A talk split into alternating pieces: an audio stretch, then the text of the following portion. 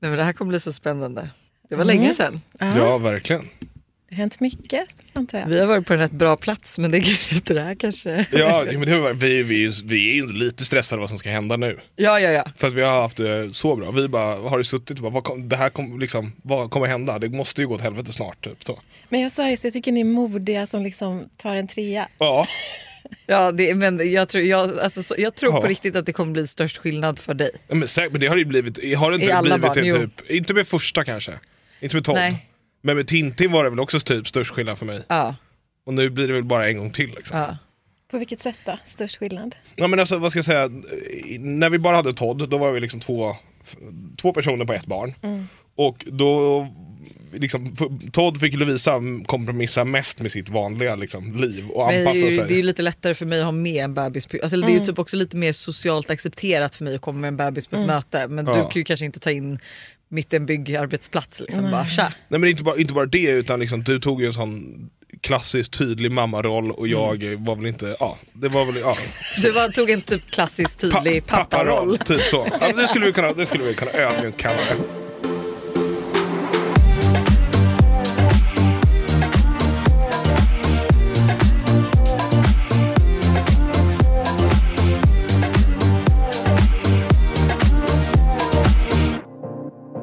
God morgon måndag och idag är verkligen en annorlunda måndag för att alltså, Hanna är inte med i studion utan det är Buster och sen har vi en till gäst som är med i studion. En väldigt uppskattad gäst som eh, hjälper oss komma lite på benen och det behövs nu inför hösten.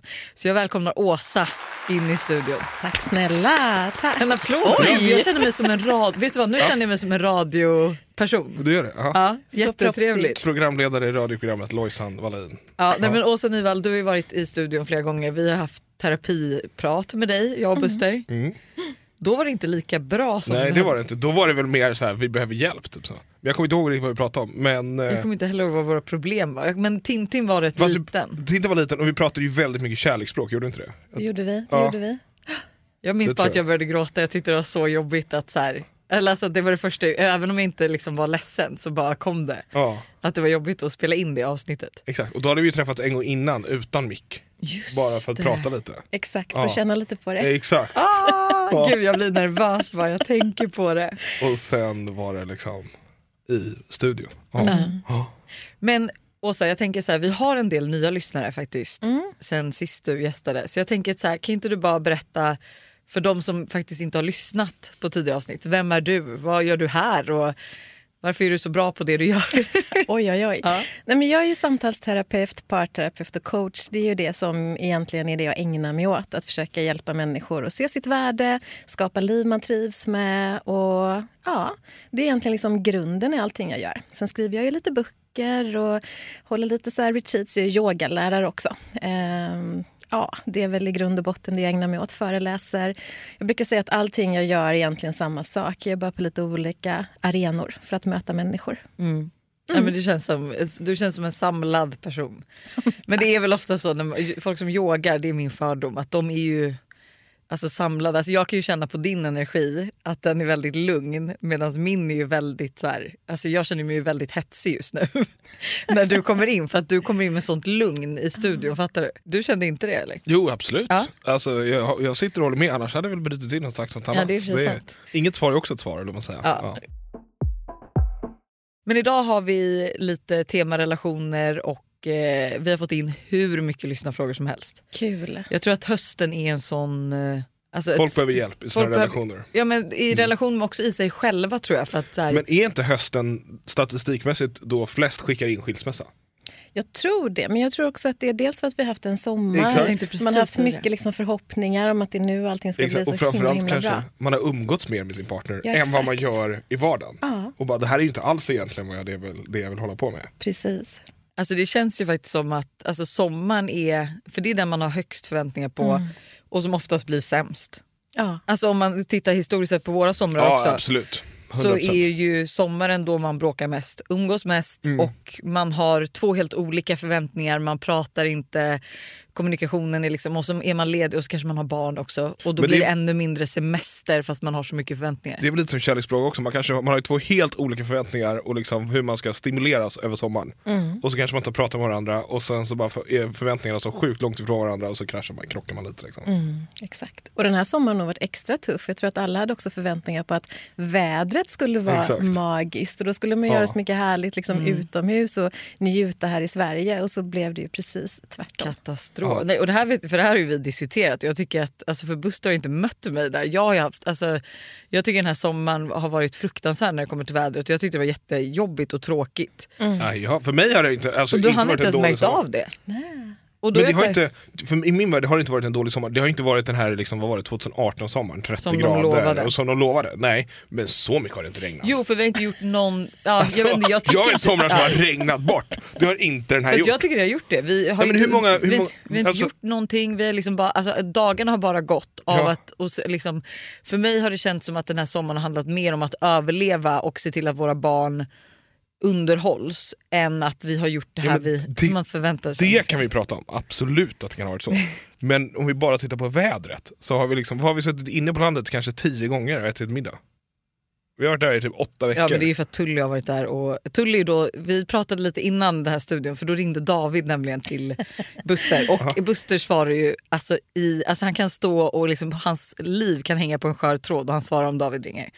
Och eh, David är då komp alltså, kompis men han är ihop med Tully som är min vän. Aha, Eh, och hon- smidigt ändå. Jätte, men det är så, jag tror vi har lärt känna, vi, det är våra enda kompisar med barn. Jag är så glad för den här relationen men det är liksom 50-50 för det är också på grund av David så många gånger av fallen som jag behöver bli irriterad på Buster. För att, ja, men, mors dag till exempel. Ja, men jag hjälpte honom med hans båt. Ja, nej, mors dag, Buster Mm. drar, hjälper honom med hans båt. Han är, Buster är klar vid 12. Men han kommer inte hem förrän halv sex. Då har jag alltså blivit lämnad ensam på mors dag utan present, utan uppvaktning, utan frukost. Ja, ingenting. Kommer hem halv sex. Kommer hem halv sex och då, men då hade ni en överraskning men då blev ju Tully, Tully blev också arg på David så att då ville inte David ge den här överraskningen som var till mig och Tully. Så att alla gick ut, ja. Det, det gick ut över alla och då, det är väldigt mycket såna här grejer som händer med David. Så står jag bara där snuvad på det här. Vi, skulle ju, vi hade ju liksom ändå plan, vi, vi skulle ut och äta och det hade vi ändå sagt. Ja, ja, ja. Ja, och sen så ville inte Tully det och då var det så här, ska vi åka själva? Vi skulle åka båt och åka och äta middag. Och, Det var, Dav, det var Dav, i grund och botten Davids fel men Buster ställer alltid upp och han älskar ju. David. Så mycket av våra tjafs på senaste är ju då typ att Buster drar iväg på helgen, ska göra någonting med sin båt. Det slutar med att han hjälper David med sina grejer, hör inte av sig, kommer hem sent och liksom bara levt i sin mansbubbla ett tag. Liksom. Vad bra. Vilket, vilket långt sidospår från vad vi faktiskt skulle gå in och prata Fast om. det här verkar som det är ditt största problem i vår relation just nu, det är David. Nej, nej, nej, det skulle jag inte vilja säga. Jag är faktiskt jätteglad att ni har träffats och eh, jag tycker att eh, det, nej, men det är jättebra att du har en killkompis och att du gör saker. För att jag har ju väldigt mycket egen tid och jag har mycket liksom, tjejkvällar och tjejresor och allting. Så att, eh, jag är bara nöjd. Vad bra, då löste ni den själva. Ja, Ja. Men det, var inget, det har inte varit ett Nej, problem. det var inget problem. Nej. Det, det är bara att du blir provocerad ibland. Ja, men ibland, det tar en stund, men det är bara så här, kommunikationen mellan oss funkar inte alltid och Buster, är, du är ju sämre på kommunikation än vad jag är. Men just att så här, 100%. Det som stör mig mest är ju typ att så här, men en helg att man kan liksom inte riktigt planera någonting eller han säger inte riktigt vad hans plan är. Du har ju liksom svårt att förmedla ifall du ska vara borta en hel dag eller Men så här, är du är hemma till 12. Det är för att jag kanske inte har så mycket planer. Alltså det bara blir lite som det blir. Jag vet och då känner jag så här, vi har två barn, det kan inte bara bli som det blir för att det är någon som är på andra sidan med barnen och det är någon som då håller på att hjälpa David med sina båtar. Fast jag säger typ alltid, ska jag ta med ett av barnen? Och du bara nej. Ja, men nej, då är det också för, oh, samma. Det är också för att du typ, nej, men det är också för att du typ säger så här, jag är hemma vid 12 och sen så går är klockan typ halv fyra och jag väntar på dig och sen så får man bara inget svar förrän typ en och Det en har halv timme hänt sen, en gång. på senaste som jag kommer Ja. ihåg. Jag ska börja skriva upp. Ja men gör det, det har hänt en gång. Och då var det så här, jag bara jag ska göra det här, du bara nej det får du inte. Nej vad var det? Det var när jag skulle åka och titta på båt med eh, Danny Babak. Just ja men nej men då blev jag så trött för då hade vi ju lovat barn. Det var någonting vi hade lovat barnen som de blev arga på mig för att du inte kunde hålla då. Jag bara ni får ta det här med er pappa för han är inte hemma. Men det var ju inte så, jag hade sagt här, jag ska åka och göra det här imorgon. Du bara nej, jag har lovat barnen att göra det här. Nej men du sa men jag är hemma till klockan halv ett typ. Det var ju innan, jag hade, innan vi bestämde med Babak. Är, är det här typ första gången ni pratar om, om det här? Nej, det är- nej, det är- nej, nej, här vi går- fullt ja. medvetna om... Men sen, eh, men sen är det också så här, det är som vanligt. Alltså, a, alla våra bråk slutar ju med att vi bara hugger ner grejerna i detaljer. Jag har sagt. Så är det ju. Vi, Ja. vi, vi fokuserar ju bara på detaljerna. Liksom. Men och att eh, jag tror också våra bråk består mest av att vi, all, vi båda säger bara vad, vad vår syn är. Vi möts aldrig. Utan det är så här, sen till slut blir vi bara vänner. Men vi båda är så här, agree to disagree typ. Att så här, jag har ett helt annat sätt att se det, han har ett helt annat sätt. Varenda gång vi tar upp det igen då bråkar vi. Men det är inte så pass stort att det blir ett problem. det, Liksom. är liksom, det är verkligen inga känslor inblandade i det. Nej. Nej, för det, ni har ju en god energi när ni pratar nu också. Ni ser ju typ glada ut när ni sitter och pratar. Det är ju inte så att man får någon hög puls när man lyssnar på er utan det Nej. känns ju rätt skönt. Ja. Men det är, vi kanske är på, men vi sa det innan nu när du skulle komma. Jag var så här, jag bara, men jag undrar så här, finns det no för nu vill man ju då ändå passa på att vara så här, finns det någonting som man känner, och då diskuterade vi lite och bara, men åh, hur är det liksom, så här, hur känner vi liksom? Och då sa vi ju det, vi är på en väldigt bra plats. Alltså det enda som vi typ är lite agree to disagree är ju dels de här grejerna med David då. Och att du tycker fortfarande att, eller det kan bli lite tjafs att du tycker att jag gör för, alltså att jag inte chillar typ. Ja, men men du vill att vi ska gå och lägga oss. Ja, men det, jag- det är nu på sista tiden han har varit, men det är också, du håller ju på och boar, jag kan ju liksom förstå det. Lovisa, nu ska det liksom byggas bo här hemma. Och, jag, och jag tycker att jag mött dig, av, det här, av alla graviditeter så är nog det här den som jag mött dig absolut mest i. Eh, Ja, ja, ja, delvis skulle jag vilja säga. Del med vilken, när har jag mött dig mer då? Nej i kanske inte. Men det är ju bara vi renoverar barnens rum. Men det är Ja. det enda vi har gjort. Ja. Eller du som du har behövt hjälpa Ja, men till med med. 12 var det såhär, du bara badrummet måste vara klart, jag bara ja ja ja, ja typ så. Just det, det blev aldrig klart. Och så blev det inte klart. Nej. Nej det kan vi faktiskt inte gå in på, då kommer det bli dålig stämning. Nej men då jag- sa vi det, att- så det egentligen som, som vi då kom fram till är att, som jag tror alla med små barn vet, och som vi också med två barn i bagageluckan vet, att det som kommer nu kommer inte vara lika roligt. För varje gång med både Todd och med Tintin så har vi haft en liten kris. När typ, alltså ba, inte liksom bebistiden och inte typ två, fyra första månaderna. Utan efter typ ett halvår. Eh, så jag gissar ju typ att i sommar så kommer Den vi ha en... k- Ja, exakt. Ja. Jag tror att vi kommer ha det riktigt dåligt i sommar. Ska vi boka in en, en poddinspelning Vi borde där i kanske juni göra det faktiskt. 2024? Jag tror faktiskt Mm. det. Det är ingen dum idé. För att jag tror att eh, alltså med facit i hand så kommer det inte vara en rolig sommar. Jag tror du kommer jobba, jag kommer jobba Mm. och så ska vi sköta tre barn på det och det kommer bli misskommunikation för man är trött. Och man kommer vara trött, alltså bara det att man kommer vara trött. Jag vet, och så har man sig själv närmast. Jag är tröttast och så tycker man ju att jag förtjänar mest att sova kanske. Någonting. Ja. Så att, eh, enda grejen, jo vi kan väl måla fan på väggen med det, men det är också så här. våra barn kommer ju vara väldigt mycket större. Men det spelar ingen roll, de är fortfarande uttråkade. De måste jag underhållas. vet, men jag tror att det på, i sommar, på en, det liksom, varje sommar har också blivit lättare för de blir mer och mer självgående. Men vad tycker ni att ni har lärt er då? Om vi tittar liksom på, ni har ju ändå två graviditeter, två barn i bagaget. Så.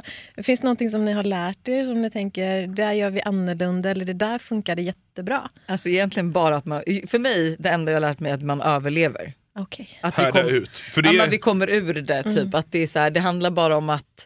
Alltså det är dock tråkigt för att jag ve- vet ju hur dåligt man mår när man är där. Liksom att så här, jag gråter mycket och är ledsen, nedstämd och kall mot dig. Och du blir också väldigt liksom, Nej, men jag, hård jag och tycker, snäsig. ja, för att jag tycker du tappar teamkänslan. Ja exakt och jag tycker Ja. också att du inte har någon teamkänsla överhuvudtaget för vi har olika språk. Mm. Och där, blir det ju, där är det ju så himla tydligt att så här, jag vet jag satt och gjorde fötterna häromdagen och så pratade jag med då fototerapeuten på att säga, men eh, hon, och då var det liksom när jag berättade stjärntecknen i vår familj.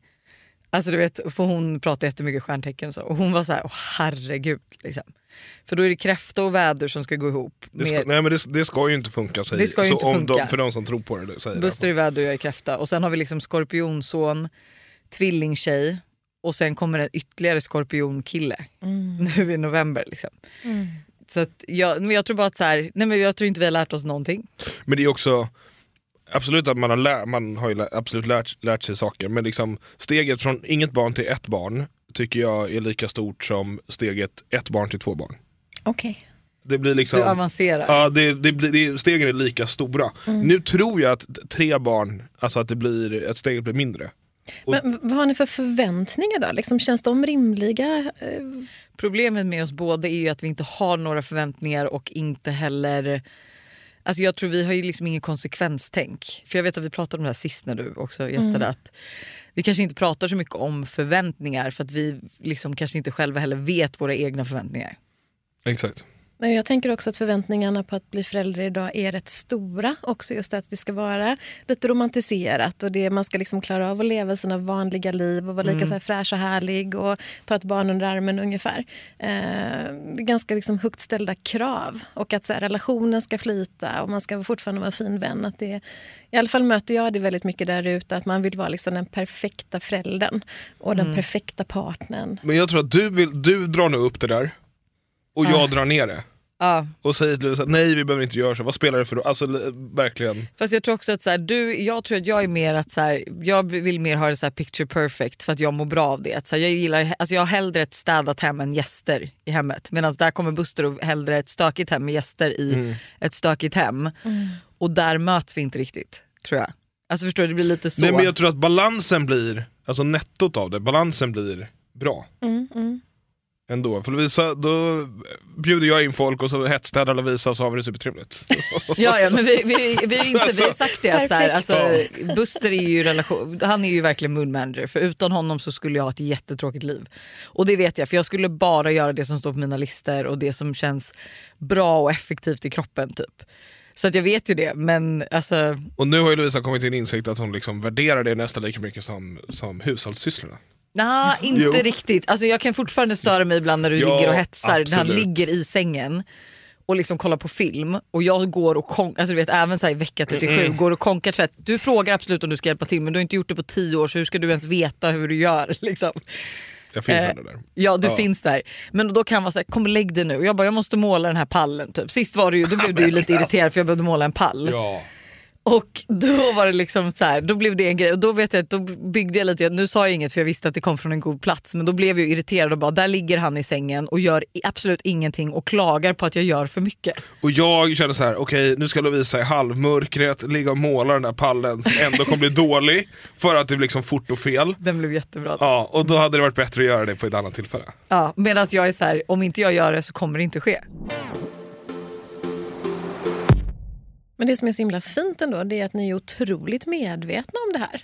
Alltså så, Ja, ja Alltså så här- absolut. Ja, Ja. Men de flesta är ju inte det, men ni är ju fullständigt medvetna om vad ni har liksom för styrkor och svagheter och hur det krockar i relationen. Jo, jo men det, det Kanske Det är därför det. vi hållit ihop. Ja exakt. Problemet är väl också att jag vet också vad jag gör, kan göra för Lovisa för att det inte ska bli ett problem. Men det, det, man kanske inte gör det. Varje gång. Varje gång. Nej, Så, samtidigt som jag också vet att så här, skulle jag banga tvätten en kväll skulle ju han bli överlycklig. ja. Kommer kanske ändå inte göra det. Men Nej. det kanske man får göra det när det krävs. Men jag tänker att så här, Men du har ju då också lättare att förstå att det kommer från en varm plats. ja. Om man kan säga så. Jo, men och sen så, jag tror att det viktigaste är att man måste förstå att man funkar olika. Att så här, det tror jag har varit det största, alltså speciellt med Busters ADHD och så, att så här, det varit det största problemet för mig egentligen att förstå att du inte funkar som jag gör. Och att jag inte kan bli irriterad för att du inte har lika lätt att göra saker som jag har att göra saker. Sen kan man liksom bli irriterad men jag kanske går och tar det, liksom snackar skit om, förlåt, om dig då till en vän istället för att ta det med dig för att jag vet att så här, det är ingenting som du kan rå för. Liksom. Just det. Hur känns det att jag snackar skit om Det dig? känns okej. Jag pratar aldrig skit om dig ska jag säga. Det gör du. Nej. Gör du inte det? Nej. Men då måste ju du sitta inne på så mycket, Nej jag har förståelse det är för så det. bra. Nej det vet jag inte. Men jag kan ändå acceptera dina brister. På Men du sätt. måste ju... Jag, vänta, jag, tror, jag tror ju verkligen att man måste få... Alltså, Nej, men jag, helt ärligt så tror jag inte att jag pratar skit om dig så nej. Men det är okej. Whatever makes your boat float. Det är liksom inget sånt. jag måste för det... Det, är okej. ja. Mm. jag, vet, jag vet också om att jag är skitjobbig att leva med så att jag har verkligen förståelse att du behöver äh, liksom, ventilera det där. Det är Ja. verkligen inga hard feelings. Nej, men jag fattar det. Men jag tycker bara att det är så konstigt att jag tänkte ju att David var den personen du kunde snacka skit om jag, mig pratar med. nog, jag pratar nog mest skit om dig med dig. Ja. Vi är även denna vecka sponsrade av Steve Madden i podden. Och Jag tycker det är så coolt att de gick från en, att vara en liten investering i New York att sälja skor i bakluckan på en bil till att bli ett världskänt livsstilsföretag med hur mycket skor och väskor som helst. Nej, men alltså, det är helt otroligt. Och De har verkligen allt från liksom, de perfekta utgångsklackarna till snygga sneakers, crossbody bags, tote bags och till och med skor för barn. Och alltså Just barnskor är så bra för Tintin har nämligen börjat älska skor just nu. Varje dag vill hon vara med och välja vilka skor hon ska ha till förskolan och vilka som matchar hennes kläder Nej, bäst. gulligt. Men det är så kul och nu är hon ju väldigt bestämd av sig vilket betyder att jag behöver ha en del skor hemma för att hon ska bli nöjd. Och nu har Steve Madden lanserat sin vår och sommarkollektion så jag passar på att klicka hem flera par skor. Alltså kan du tänka dig att så här, Tintin går runt med så här, små svarta läderboots eller så här, när det blir varmare nu ett par så här, söta små sneakers. Alltså, de har ju massa färger eller typ sandaler till sommaren. Alltså hur gulligt? Det måste vara så kul att köpa skor och accessoarer till sitt barn. Alltså en miniversion av sig själv som man liksom klär upp. Nej men Det är så mysigt. Så alltså, gör som oss och kolla in den nya vår och sommarkollektionen på stevemadden.se och klicka hem skor och väskor till alla olika tillfällen. Tack Steve Madden för att ni är med och sponsrar podden denna vecka. Tack Steve Madden. Det här är ett betalt samarbete med Tre. Alltså Hanna, häromdagen var jag verkligen med om ett riktigt aha moment. Alltså du vet när man inser något som man inte visste förut och bara, nej men just det, så är det ju. Berätta. Alla vet ju att man ska dricka mycket vatten. För det är ju bra för kroppen, hyn, håret och ja, alltså det, är, det ska bara vara bra helt enkelt. Men tydligen så är det en myt att man får mer återfuktad hud av att dricka mycket vatten. Va? Alltså det finns inte någon forskning som visar på det utan det som betyder något är vilken rengöring man har och till och med att ha rätt vattentemperatur i duschen. Du, alltså det här hade jag ingen aning om. Det här är någonting jag verkligen trodde var, att det var så. alltså jag känner mig helt chockad. Men alltså för att vi ska liksom hålla oss till någonting som är sant då så är det faktiskt att Tres nätverk numera täcker hela 99,3% av Sveriges befolkning som avser rösttäckning baserat på folkbokföringsadress. Och ni kan läsa mer om det här på 3.se och det tycker jag också är ett riktigt aha moment. Ja men exakt och tack igen till Tre som är med och sponsrar oss och kom ihåg, allt är inte som du tror. Tack Tre för att ni är med och sponsrar podden. Poddtips från Podplay. I podden Något Kaiko garanterar östgötarna Brutti och jag, Davva, dig en stor dos skratt. Där följer jag pladask för köttätandet igen. Man är lite som en jävla vampyr. Man har fått lite blodsmak och då måste man ha mer. Udda spaningar, fängslande anekdoter och en och annan arg rant. Jag måste ha mitt kaffe på morgonen för annars är jag ingen trevlig människa. Då är du ingen trevlig människa, punkt. Något Kaiko, hör du på Podplay. Därför är gardinerna.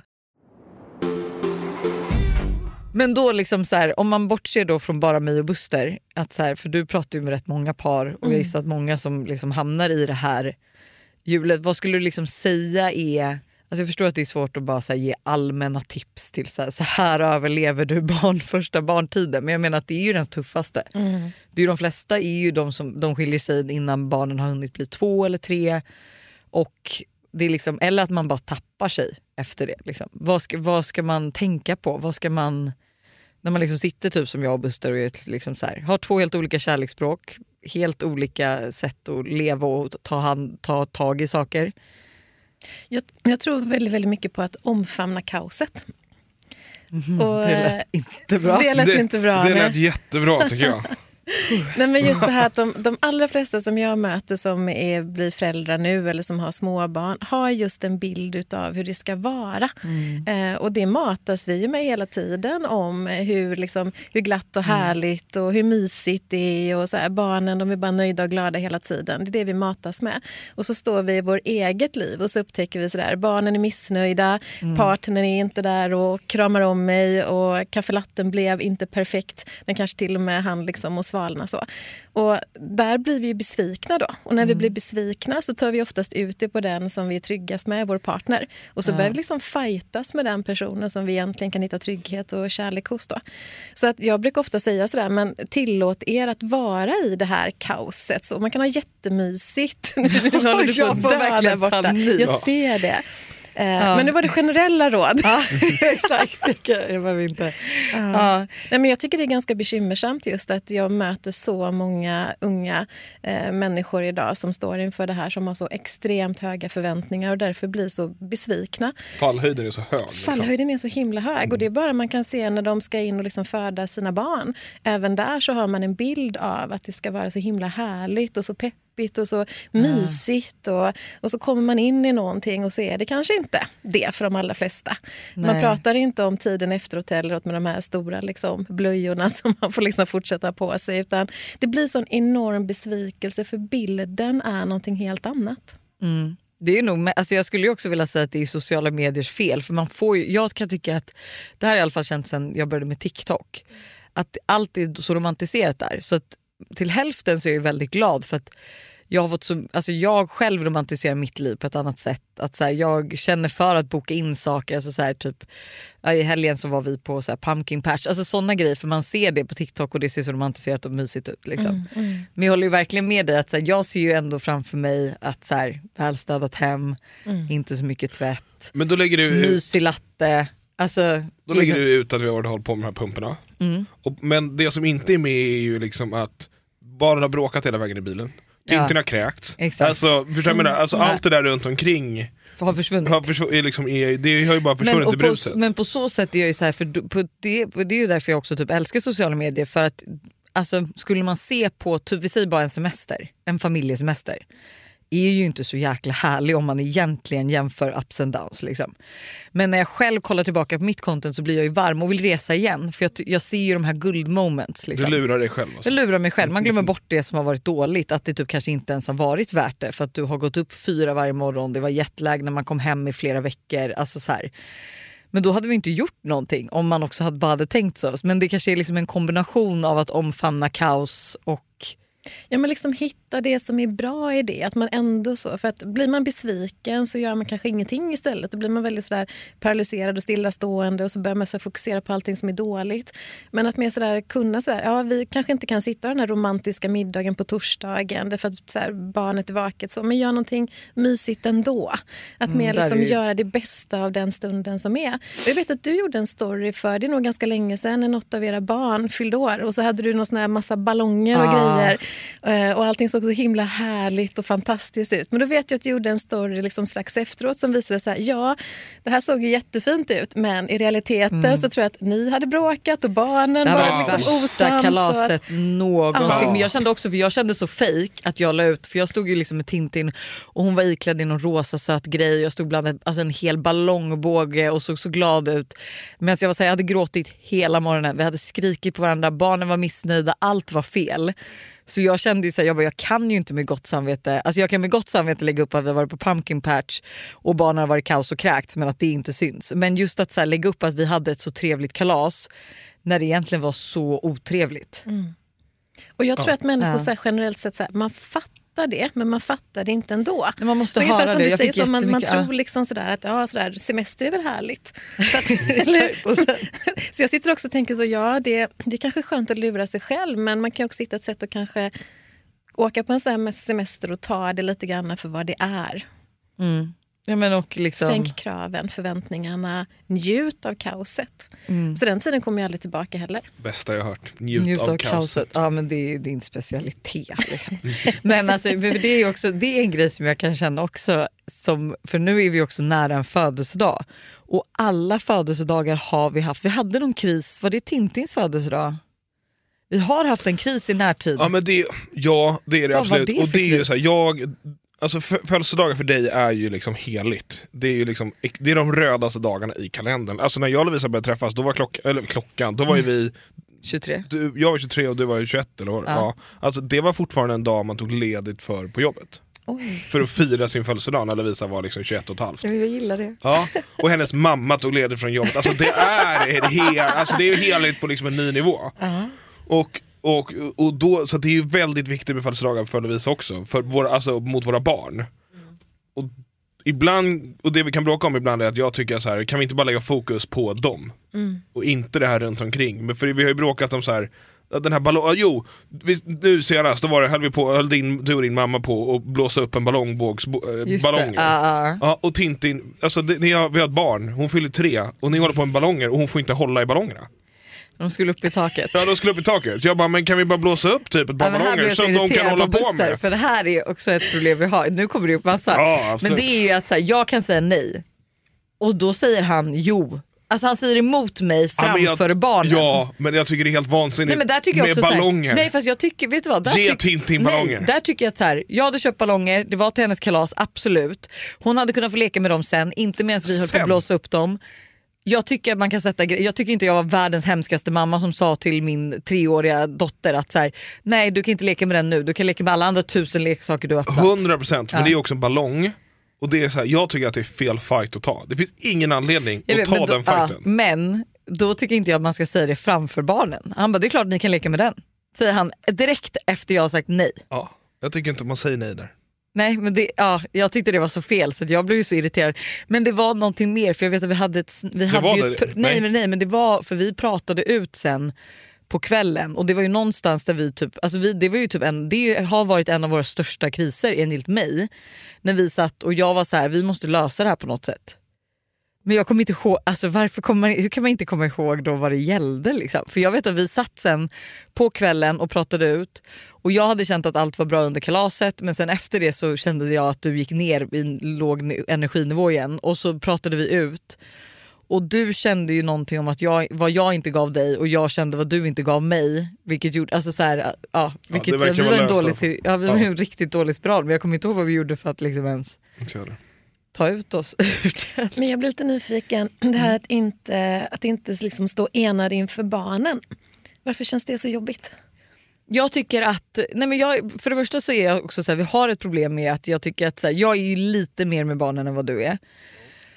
Och de kör lite mer med mig. Och ibland kan jag tycka att Buster tar väldigt lätt på det och lite så här, det är för att du, eller du vet att så här, det är lite som att Men han du- du, ser, nej men vänta får jag bara säga det. Det känns inte som att Buster vet, för jag pratar ju med massa mammor som upplever samma sak.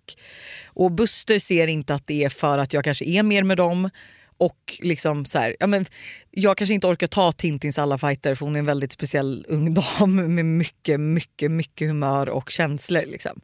Så jag orkar inte alltid ta de fighterna medan Buster kanske inte har lika många av dem. Så att han kanske orkar ta dem lite tydligare. Fast det är tvärtom. Jag tycker att jag säger ja för att slippa fighterna. Det är ju det jag säger till dig.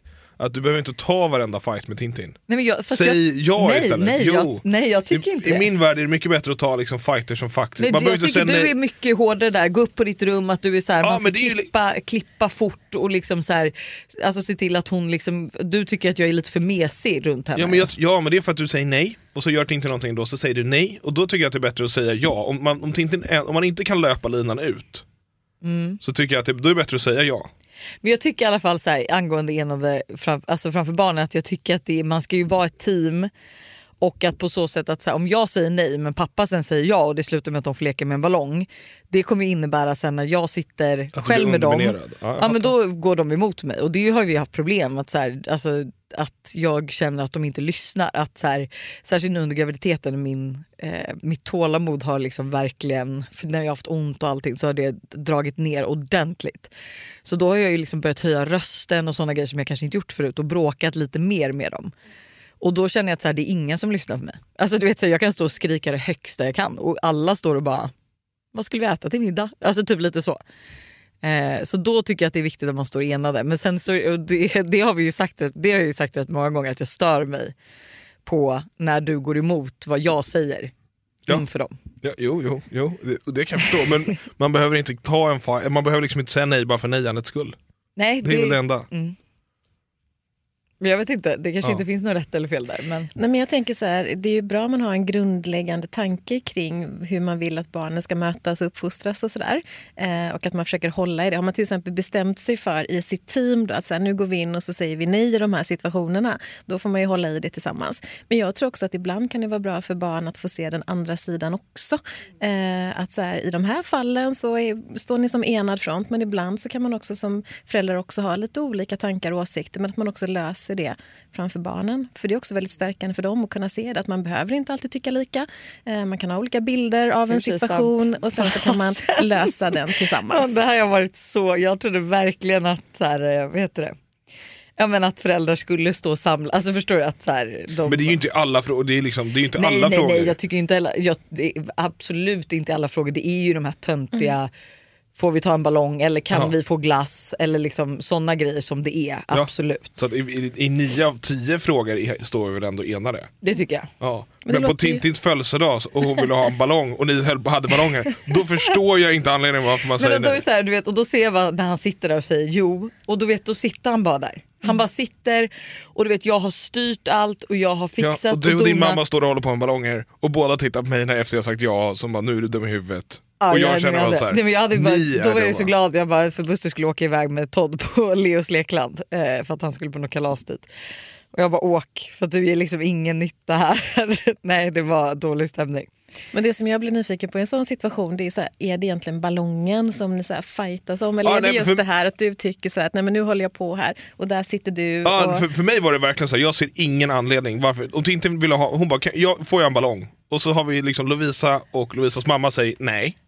Ja, men jag tror typ snarare att jag kände där och då att det, alltså så här, jag hade nog sagt nej oavsett om Buster var där eller inte. Men det som gjorde mig irriterad var ju då att han sa ja framför barnen men också att så här, han sitter på en stol i köket och kollar på. Ta bort barnen därifrån då. Alltså se till, jag, gå in i vardagsrummet. Vi det- skulle ju åka. Ja men typ efter 25 minuter, vi hade ju hunnit blåsa upp ballongerna. Ja, jag fattar inte. Nej och Jag- då kan jag vara så här, men det här är ju vårt alltså, konstanta bråk när vi ska ha kalas. Och det är liksom att så här, jag puffar soffan, Buster sätter sig i den. Alltså sådana grejer. Och, men vi är uppvuxna helt olika där. Ja. Det vet jag också, jag märker ju det när, din, när ni ska ha gäster. Alltså, jag får ju, jag får ju liksom panik för att liksom Malin hoppar in i, alltså hans mamma hoppar in i duschen fem minuter innan alla gäster kommer. Allt är inte klart utan det är lite hipp som happ och det är jättehärligt. Vi är återigen sponsrade av Yoggi Mini i podden. Yoghurten för dig som vill njuta helt utan att kompromissa. Exakt. Yoggi Mini är ju då helt utan tillsatt socker, har låg fetthalt men är fylld med massa god smak. Och alltså det här har blivit min nya to go frukost eller mitt, ny, alltså mitt nya to go mellanmål för det finns ju så mycket man kan göra med Yoggi Mini. Nej men eller hur. Och jag är ju verkligen en periodare som ni alla vet när det kommer till mat och nu är jag inne i en smoothie-period. Och min favorit som jag gör just nu med Yoggi Mini är jordgubbssmaken på dem. Banan, spenat, massa jordgubbar och alltså den är för god. Alltså du ska få smaka den nästa gång du vågar ut torten. Så gärna, det här lät faktiskt jättegott. Och det bästa är ju också med Yoggi Mini att det finns laktosfria varianter. Så det finns verkligen någon smak som passar alla. Precis så. Stort tack till Yogimini för att ni är med och sponsrar podden även denna vecka.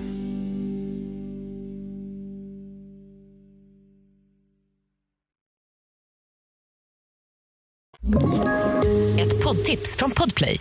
I podden Något Kaiko garanterar östgötarna Brutti och jag, Davva, dig en stor dos skratt.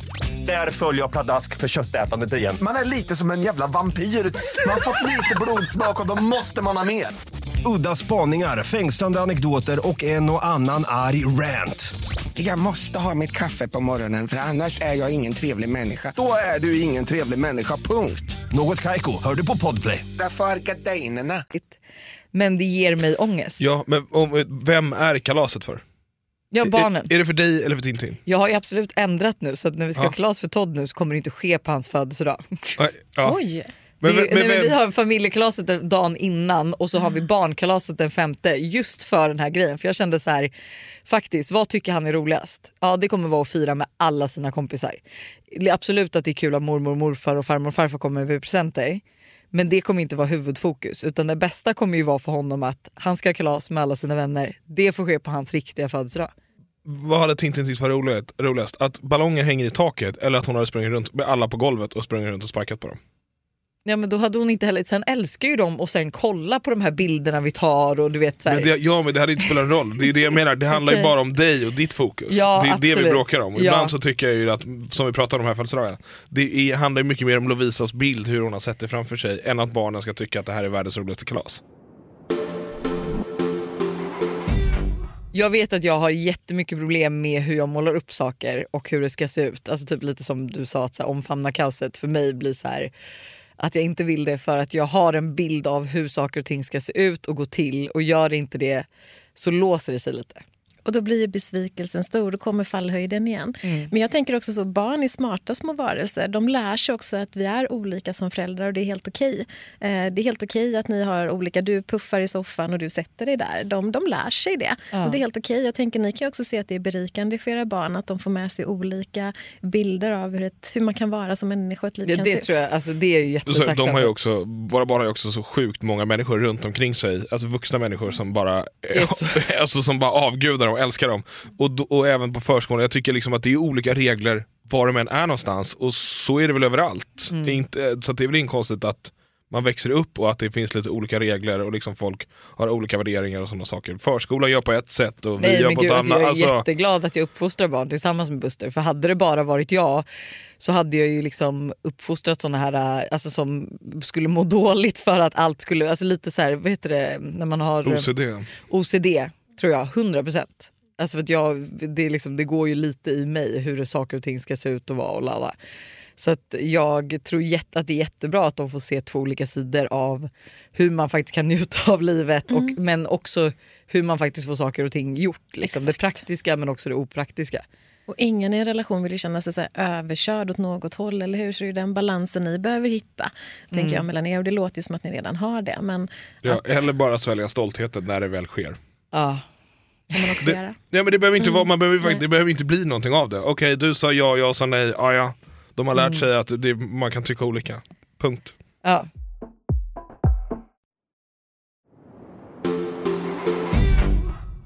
Men okej, vad har vi mer för lifehacks då för att ta sig igenom det Jag tycker här? det räcker med liksom bara njut av Omfamna- kaoset. Du tyckte det var toppen. Ja, jag tycker det är toppen.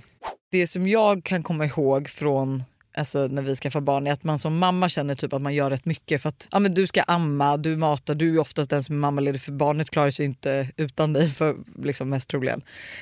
Eh, men att så här, alltså jag vet att man känner sig lite ensam i att man tycker att man gör allt. För jag kommer ihåg jag kunde ju ligga och vara arg på bussen när han sov för att han inte vaknade men jag, det ligger ju inte inlagt genetiskt hos Buster att vakna när ett barn skriker.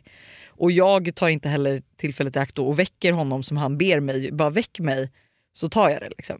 Det, men så är det ju fortfarande. Ja, ja nej men det är ju så. Jag gör ju inte det för att jag känner att det är lättare för mig att gå och så är jag trött. Och liksom så här. Men vad ska man liksom, det måste ju finnas någonting mer man kan göra liksom mer praktiskt. Jag är ju den praktiska. Nej, men praktiskt för att överleva det här och kanske inte känna sig lika besviken på sin partner. Absolut, och jag tror att det är bra att man pratar om det innan barnet har kommit. För att när man är mitt i det, det är ju inte då man riktigt är så där klok och skarp. Och, och liksom precis som ni säger innan, så då börjar man mer fundera på vad är det du gör fel och vad är det jag behöver. Och jag behöver nog det mer än dig och sådär. Men precis som ni säger, ni vet ju, ni har ju dessutom erfarenhet sen två barn tidigare. Så att ni har ju lite koll på ungefär hur det kan se ut. Och det är klart som du säger Lovisa, att här, du, du kommer vara fast vid amningen kanske. Eh, och behöver kanske ta lite mer utav det. Men då kan ju Buster kliva in och ta andra saker. Och då kan man ju bara så här, prata om det. Och, och du som gillar listor också så, skulle ju kunna så där då, att man så här får ner lite grann. Alltså under den här första perioden så, så släpper du det här och så går du in och tar det ansvaret. Kolla, jag, alltså det här är som du och du det här får ju det, panik. Lovisas våta dröm det här liksom. Ah. Jo, men, jag, Ja. men jag kan tycka, för jag tror att så här, jag vi- vet ju också med mig att så här, jag är inte en trevlig person när jag, alltså jag vet ju att så här, jag vet att det kommer komma för att jag kommer känna att så här, jag jobbar och samtidigt ska jag ta hand om det här barnet medan jag vet att så här, det här är det enda vi kan göra. Alltså det här är det, liksom, jag har själv valt att skaffa det här tredje barnet och det är jag som kommer ta hand om det för att det är så det kommer vara. Men jag vet ju med mig att jag kommer ju bli lite grinig och lite så otrevlig för att jag ändå känner mig att så här, jag gör allt. Men så jag tror jag kommer ha velat- den känslan. Du hade, Lovisa hade ju helst av allt alltid levt i, ett, i en Excel-fil. Alltså så. Och när det stå, står att vi ska äta, liksom, inte vet jag, i den här Excel-filen skulle det stå det blir köttbullar och mos på tisdag. Även om ingen är sugen på det så ser Lovisa mer tillfredsställande att bara få nu står det på listan och det är borta. Än att bara vi åker och köper pizza. Men jag tycker jag har blivit lite bättre där. Ja lite bättre, men du hade gärna bott i Excel liksom, på det momentet. Gud ja, men jag menar mer att så här, för jag vet ju, alltså, om jag då själv får liksom ge oss ett tips och de som väntar barn ett tips är att så här, som mamma tror jag, och jag pratar med hur många mammor som helst om det här, jag vet liksom, när man är mitt i det, att man känner sig lite besviken på killen för att han inte kan göra så mycket det blir liksom så här, för att genetiskt sett så funkar det typ inte. Att så här, för du kan inte amma, du eh, har inte den här liksom, klockan att du vaknar och liksom, kanske inte känner de här känslorna som man, mamman kanske liksom legit gör första månaderna. Men att så här, på något sätt måste man ju komma på ett sätt som gör att man inte... Alltså, alltså så att, eller snarare ett så här, för jag vet, blir jag irriterad på dig och börjar bli cranky mot dig då svarar ju du med samma mynt. Och det är där vår dåliga spiral börjar. Liksom, att så här, du ty- jag säger nej till roliga saker eller tråkiga saker för jag känner att så här, jag orkar inte. Medan du är så här, gud hon är bara tråkig och sur. Nej, men det finns lite olika delar. Dels tänker jag så här, rent praktiskt att se över, vad, här, kanske också sänka nivån lite grann då igen på förväntningarna på hur det ska vara hemma. Eh, kring städning, kring mat, kring tvätt, allt det här som vi liksom ägnar oss åt så att vi lägger ner det lite grann.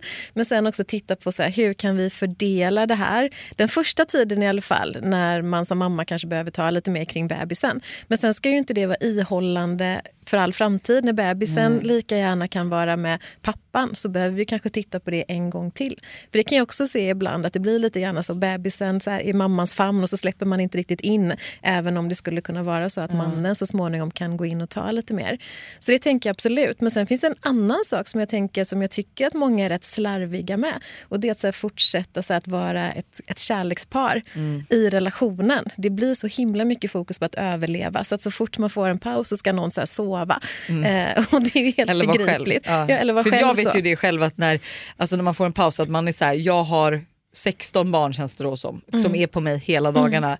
Så när de väl sover och det är en lugn stund då vill jag duscha, smörja in mig och bara lägga mig i sängen och liksom så här, ah, Don't andas. Och, ja, men exakt, rör mig inte, prata inte med mig. För man blir bara så trött på att folk är på en. Mm. Liksom. Exakt. Och jag tror att det är den största utmaningen som man behöver göra. Man behöver så här, hitta en balans i så här, vad behöver jag själv och vad behöver vi som par. För det andra kommer ju finnas där i alla fall. Och jag tycker att man lägger så himla mycket tid faktiskt på så där, barnens omsorg och allting som ska fixas i hemmet.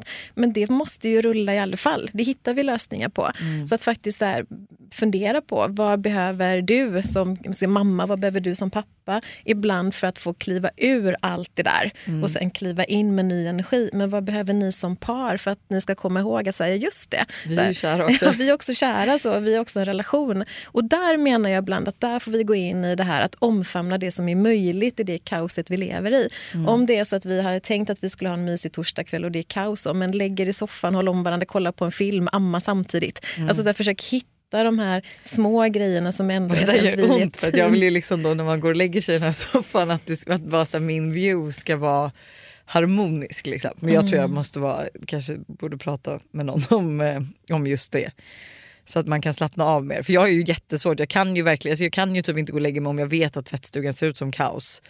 Och det är där jag tror att det kommer bli kaos för mig att så här, okay, barnet vill äta samtidigt som jag känner att jag har 16 000 grejer att fixa och ingenting av det kan egentligen du fixa för att eller du kan säkert men det är liksom bara, du har inte gjort det innan så att jag har svårt att säga till vad du ska göra. Liksom.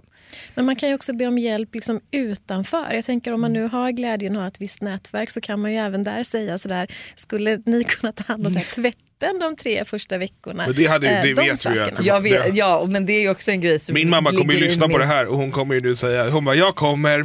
Ja, nej, men hon kommer ju be mig komma med tvätt och det är ju Mm. min mamma också. Men för mig tar det emot för jag tycker ju som 30-åring att jag inte ska komma. Alltså jag kommer med tvätt till Malin som är så här, det här kan inte jag tvätta. Fast då, grejen är ju så här, du kan ju skjuta på tvätten.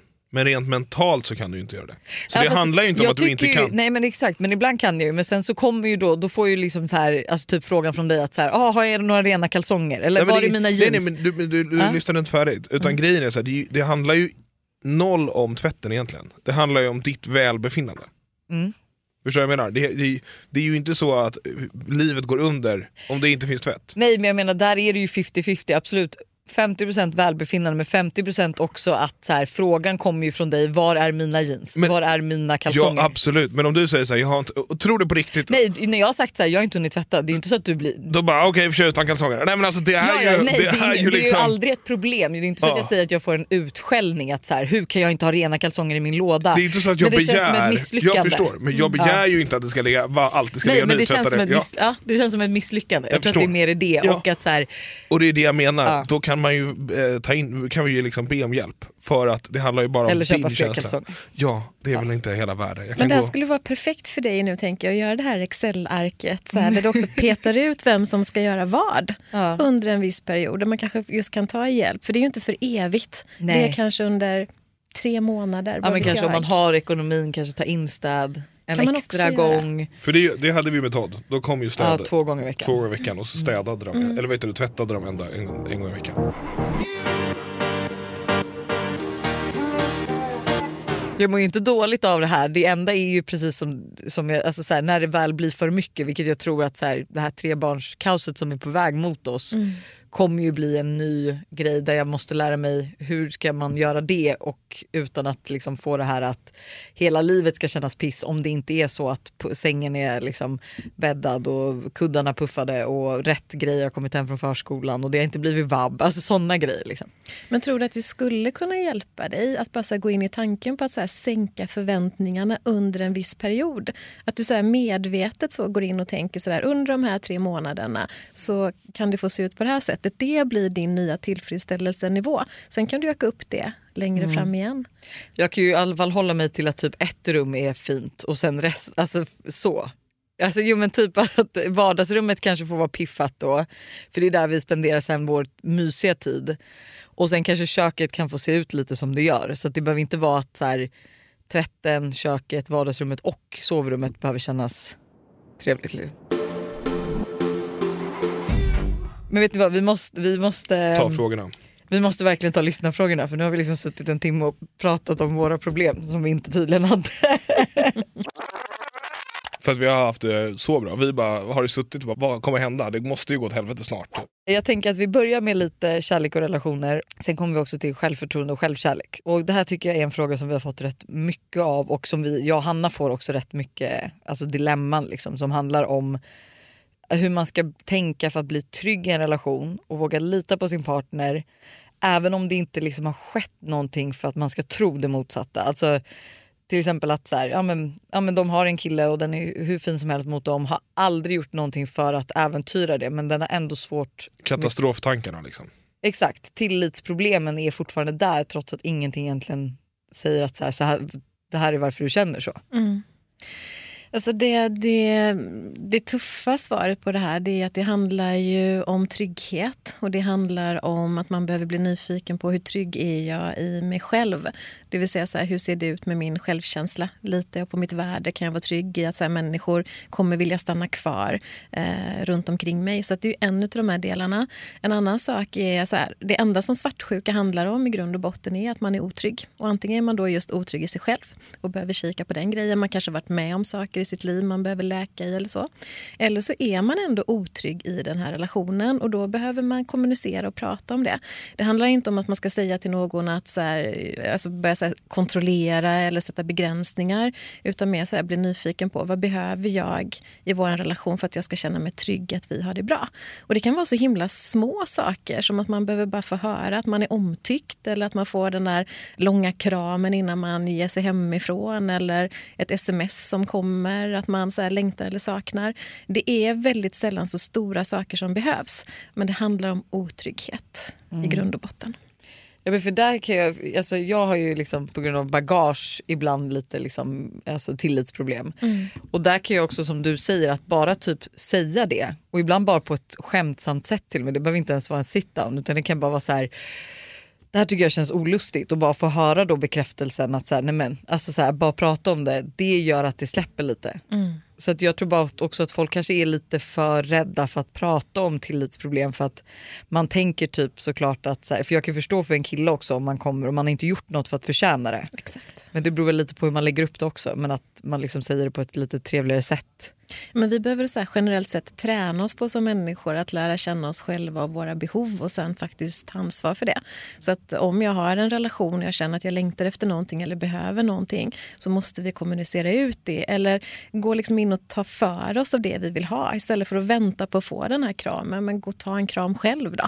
Eh, Men vi är så himla oroliga för Vi har en förväntan på att någon annan ska läsa av och förstå. Och så Ja, kanske det vi är inte ens själva vet. också. Liksom. är du sur? Nej. Jag vill att du ska veta att jag är sur man vill inte Ja. säga det. Liksom. Men då menar du att ta för dig. Jag är sur säger du bara innan frågan kommer. Ja. Att liksom ta för dig i dina ja, känslor. här, eller och, ba- ja, bara säga liksom hur man känner, för det behöver ju inte bli ett bråk men jag kan förstå att, så här, att det kanske är en jobbig grej att ta upp.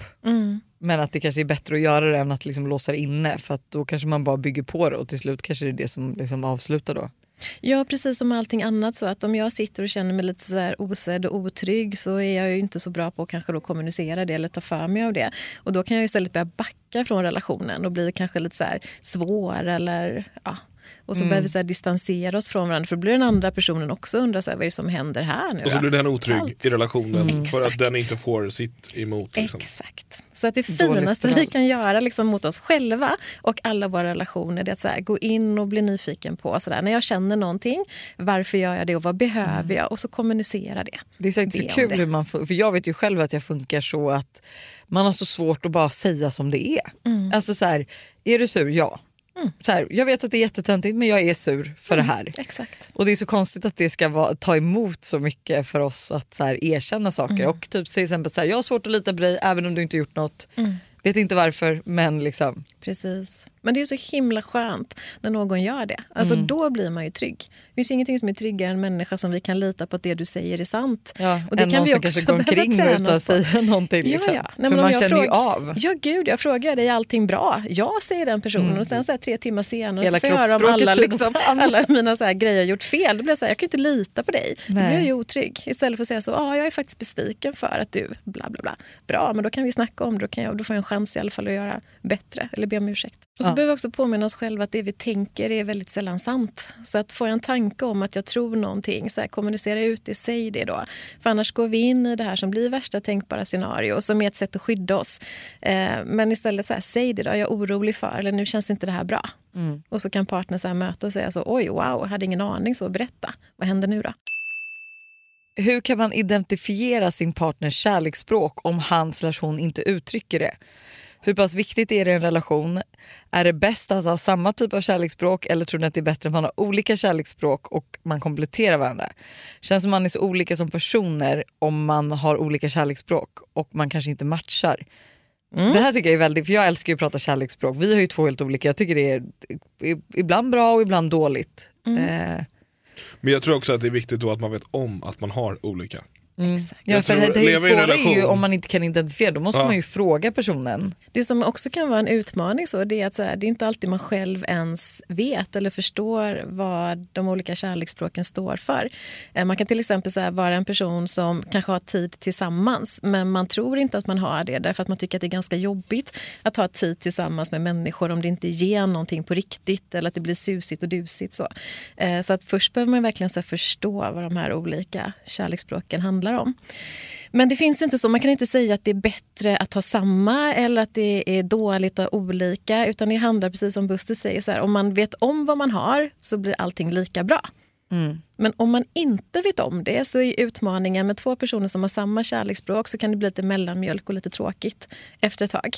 Eh, Ah, ja, för jag tänkte ju så här, jag bara, gud, egentligen så, här, så bra med två som har samma kärleksspråk för då skulle ju så här, att jag bäddar sängen skulle ju den bli så här, woo, liksom. Men jag förstår ju verkligen vad du menar dock när du säger att det skulle bli lite mellanmjölk, lite tråkigt för att man skulle ju göra samma, alltså Det blir ingen direkt blir- uppvaktning om vi säger så. I det. nej. Hade du kommit hem och är bädda, sängen bäddad, då är, Nej, det, Mm. då är det ju liksom en sån gest på ett annat sätt. Liksom.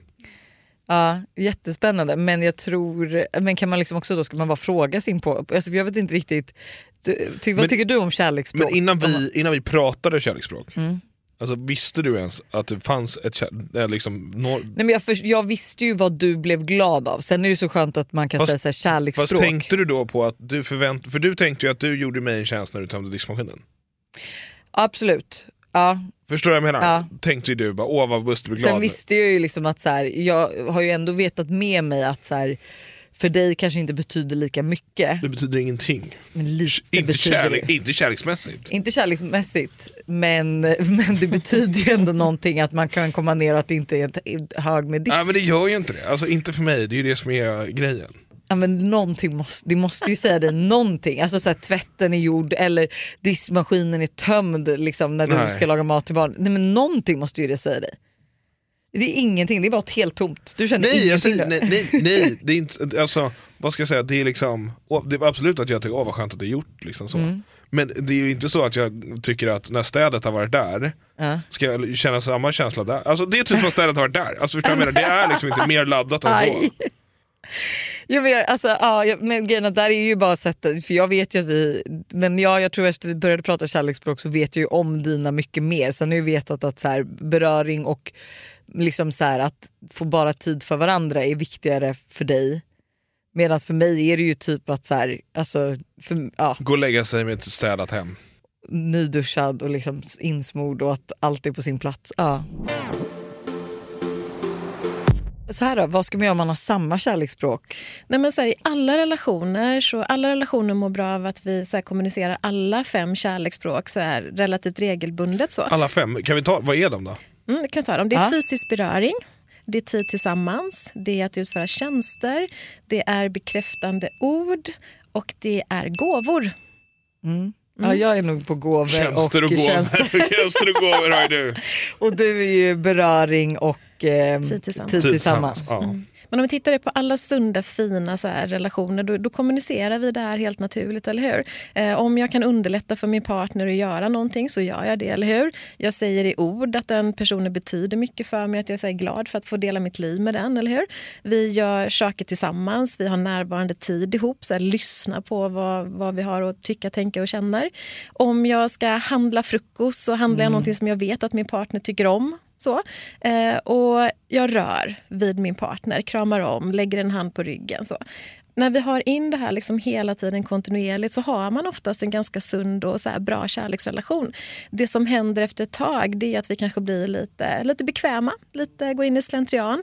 Eh, och så har vi en idé då om att det finns två sätt som vi så här visar kärlek på. Det är fysisk beröring och bekräftande ord. Det är så vi tror att det är liksom det enda sättet som vi visar kärlek. Vi kramas och så säger vi jag älskar dig. Då hade jag varit nöjd. Ja. Ja, det ja, ja. works for me. ja. Men så finns det då tre språk till som man inte ens förstår är kopplat till kärlek. Och det är där någonstans det blir ett problem. Jag brukar också säga så att kärleksspråken blir absolut extra viktiga när vi går in i, i krisande situationer. Till exempel, nu får ni ett tredje barn och ni kanske inte så hinner göra alla de här fina sakerna för varandra. Då är det viktigt att ni går in och ger varandra det som den andra ser som kärlek. Men det här blev lite intressant för jag vet ju inte riktigt om jag hade upp... Alltså, det är klart att jag uppskattar typ som när jag kom hem från Frankrike och du hade bokat städ så att det var fint när jag kom hem. Liksom. Sen att du vägrade erkänna att det var städ. Alltså, du, han trodde att jag skulle gå på att han hade gjort det själv. Du gick på det jättelänge. Jag gick inte på det, jag såg ju direkt på soffan, det var massa tecken på att det absolut inte... Du höll ju på i flera dagar bara, jag vet att det var städet på grund av det här och det här erkänna. och jag bara nej. Ja, men jag ville bara att du skulle erkänna. Men att, så här, det, upp- jag uppskattar det men jag tror att jag är nog också lite närhet. Det är bara att så här, för jag vet inte heller om jag... Alltså, jag har ju en bekräftande känsla av att göra saker själv också. Att så här, 100 100 procent. Det är klart att det finns mer närhet i ditt språk. ja. Så är det Ja, ju. men jag undrar om vi, vi kanske bara missuppfattat mitt, kärleks, bara mitt Nej. kärleksspråk. För mig är det first work then play. Så att mitt kärleksspråk öppnar sig först när jag är lugn på alla andra. Alltså, Ja. eller, Ja, jag vet ja. Det kan också så, man kan ha präglingar med sig i sin, eh, i sin bakgrund som gör att man sådär tror att man har ett visst kärleksspråk som man kanske egentligen inte har.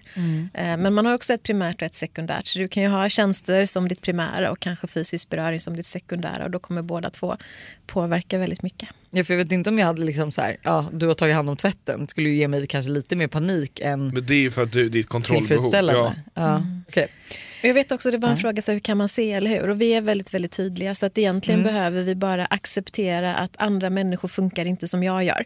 För det är ju liksom den första grejen. så. Jag har också tjänster som mitt kärleksspråk, så att jag gör gärna saker för andra och tror att det gör dem allra glada. så. Men om jag kan släppa den tanken på att det jag känner behöver inte en annan människa känna likadant, så har vi kommit ganska långt. Nej. Och så får man börja betrakta och så får man så lägga märke till vad händer i min relation när jag gör någonting mot den här personen. Om jag nu köper det här favoritpålägget, blir den här personen så här själaglad, så här, tycker att det var den bästa liksom, kaffen vi någonsin har druckit när du hade med dig de här härliga sakerna. Eller bara så här, ja men gud vad trevligt. Så här. Vi, vi är supertydliga. Gå ut på stan så kan ni bara så på tio minuter identifiera vad folk har för kärleksspråk. Det här är så spännande. Precis som du säger att, så här, att man, man kan ju fastna lite i det att jag kan tycka att gud vad jag är otrolig partner som nu sent ikväll ändå liksom la in allting i garderoben och såg till att det var fint. Liksom. Men det Mm. kanske, jag kanske ha, tycker att det är så mycket skönare än vad du hade tyckt. Du hade ju uppskattat mer att jag gick och la mig vid 21 så vi kunde, han kolla på en film Mm. istället för att jag gjorde det. Mm. Hur ska man veta om man har tappat känsla för sin partner eller om förhållandet inte är lika spännande och pirrigt längre för att man är bekväm? Jag tycker man har kanske svaret på frågan själv. Hell- Men det är väl bara att prova att dejta sin partner lite. Kan, eller så här, Ja. Jag har en fördom, men jag har ju så här, när man börjar ifrågasätta om man är kär. Att så här, jag menar inte att det är kört då, men jag menar att så här, då har det gått så långt att du ställer dig själv frågan så du har nog själv Redan svaret. redan svaret. Att så här, för att jag har ju liksom inte ställt mig frågan, alltså nå- i vår relation till exempel då, är jag, är jag faktiskt kär i Buster? Sen har jag varit fly förbannad, irriterad och känt massa grejer men just de, det här att är vi fortfarande bra som ett par eller är jag kär har jag inte ställt för att så här, den reflektionen har inte funnits. Men det här är ju säkert att de, då, då är det bara vardagen som bara flyter på, det händer ingenting och då kan det ju vara lätt liksom, att det känns olustigt, vad sa hon, att det inte var så pirrigt och inte så spännande. Ja exakt, att man har blivit, alltså hon, de har blivit bekväma. Ja. Eller hon säger inte just att hon, men hon ska, hur ska man veta det? Att, alltså att man inte är kär eller snarare, alltså hon, ja, hon undrar ju så här, vad är skillnaden på att inte vara kär och vara bekväm? Mm. Nej, men jag tror sådär, en av de sakerna jag märker allra mest när jag möter par i terapi det är att man slarvar bort sina relationer för att man anstränger sig inte och man lägger inte in, in ett engagemang i det. Och till slut så börjar man ju kanske så här fundera på men varför ska jag vara i den här relationen för den, den ger ju inte mig någonting mer eh, som jag inte själv klarar av Och, addera till i mitt liv. Så, så att jag tycker nog snarare när man kommer till den, om man kommer till den frågeställningen så tycker jag att det är ett gyllene tillfälle för att se hur man kan shapea upp, liksom, hur man kan skärpa till sig. Och kanske börja med att fundera på sådär igen, så hade jag själv varit en person som jag hade gillat att vara tillsammans med? Och om svaret på det är nej så kan man börja kanske där och tänka så här, jag kanske ska göra lite mer insättningar. Jag kanske ska så här, gå in och ta lite ansvar och vara lite mer engagerad. För att oftast brukar det ge så här, ringa på vattnet. Istället så sitter man ju oftast med armarna i kors och är besviken på att min partner inte gör alla de där härliga Ah. sakerna. Och så ställer man sig då frågan, är jag lika härlig och rolig som när, när vi träffades? Ja, och i svaret nej, nej men okej, gå tillbaka och var den roliga härliga personen igen. Så. Så kanske du får det tillbaka. Ja. Precis. Men är det fel då att öppna upp och säga det att så här, vet du vad jag känner att vi har blivit bekväma, att vi har tappat gnistan lite. Jag tror att vi båda måste gå tillbaka till lite de vi var innan. Att så här, jag kanske liksom eh, bara, men fort, man bara, kanske inte vill sätta på sig mjukiskläder det första man gör när man kommer hem för det gjorde man inte förut. Nej. Eller sminkar av sig eller går liksom att så här, man piffar till sig lite och killen kanske liksom ser till att laga en mysig middag spontant mitt i veckan för det gjorde han förut. Liksom. Nej, men jag tror absolut det är jättebra att kommunicera och prata om det. Ehm, men då kan vi också gå in på det här med kärleksspråken igen. Det gäller ju också då att vi är medvetna om och kan berätta så. Det här önskar jag, det här hade jag tyckt var mysigt. Inte gå in med pekpinnar och säga det är så tråkigt att, utan så åh det hade varit fint om, eh, det här hade jag uppskattat. Och att vi också kan möta så. För att annars så kommer ju då jag som har tjänster till exempel, om vi ska skärpa till oss så kommer jag göra ännu mer tjänster. Och så kommer min partner då som kanske då har tid tillsammans tänka så, men herregud hon har inte fattat någonting. Nej. Nu är hon ännu mindre närvarande. Nu håller hon på med massa andra saker. Men hon satsar ju verkligen inte på vår relation. Så att här behöver också så här gå in och ta ansvar för det, tänker jag. Men jag Mm. gillar lite den tanken som du hade där också Buster, så här, att så här, gå tillbaka så här, och fundera på, eh, är, jag, är jag lika härlig? Är jag lika glad? Mm. Men, okej, men vi säger då att så här, för jag kan säga både vi två om vi skulle gå tillbaka och så här bara, är vi, är vi lika härliga och bra som vi var för tio år sedan? Jag är bättre. Skärp Fast jag tycker det, jag tycker att jag har liksom mer förståelse för dig Ja. och vet mer hur du fungerar. ja men det är, ju, det är ju en annan grej. Men är du, lika, relation- är, du li, är du lika, alltså så här, bjud, för du, alltså så här, jag, ty, jag kan ju se själv att jag är inte samma tjej som alltså, när Sen- vi träffades. Sen är det kanske behov, alltså en partners behov kan ju liksom utvecklas över tid.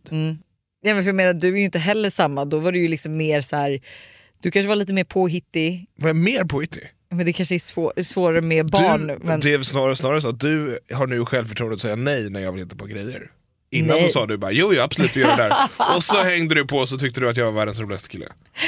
Nej men jag menar mer att så här, alltså man kan, ja jag vet inte riktigt. Jag tror att det är bra att gå tillbaka ibland till lite hur man var i början när man träffades. Men att så här, man kommer ju inte kunna uppnå det på samma nivå men kanske sätta lite. För jag tycker vi har varit väldigt bra på att hitta på saker på egen hand. Typ inte liksom definiera oss som föräldrar, göra roliga saker, typ gå ut ihop. Alltså festkvällar ihop har ju, har ju vi haft jättekul. Men det var det, vi har ju många frågor som var så här, vad gör, typ, eh, hur får man liksom föräldralivet att fungera och inte, för att inte bara vara förälder? Typ. Alltså, Mm. hur, hur, liksom, hur, hur får man det att fungera långsiktigt? Ja. Jag tänkte ju på det häromdagen, alltså bara igår när jag satt i bilen och var på väg till en tjejkväll och jag bara gud jag är 30 år, jag har två barn hemma och en kille och jag är på väg att ha myskväll med mina tjejkompisar. Vi ska liksom beställa mat och snacka skit. Och det gör typ vi en gång i veckan. Och jag bara är jag verkligen, alltså det känns som jag är 20 när jag gör de här grejerna för det känns inte som en vanlig familj gör så här. Alltså så här, inga av de familjerna jag känner är, gör så mycket liksom på egen hand eller typ alltså, ihop utan barn. Men det finns inga rätt eller fel där. Vi behöver inte gå in om de normativa tankarna. Det som är viktigast är att man själv trivs med det livet man har. Sen tänker man kan också bli nyfiken utifrån den här frågeställningen. Så, för vi har ju någonting som heter förälskelsefasen. Sen har vi tveksamhetens fas och sen går vi in i den mogna kärleken. Eh, De flesta har ju en förväntan att det ska vara som förälskelsefasen hela tiden. Eh, vilket gör att eh, går man runt och tror att det ska vara lika pirrigt och lika mycket så här rosa ludd i huvudet så kommer de allra flesta kliva av relationer efter sig sådär två, tre år. Mm. Ja det är ju orimligt, alltså, det växer ju liksom. Fast jag tycker att, alltså för oss i alla fall har varit, vi har ju liksom så utvecklats i relationen, Ja. så att ibland så finns det liksom en nykär period 100%. i ett nytt steg. Mm. För att man utvecklas som människa. Men den och kommer ju liksom- efter den här, alltså så här, vi hade ju den här nykära perioden när man typ verkligen bara satt ihop. Ja.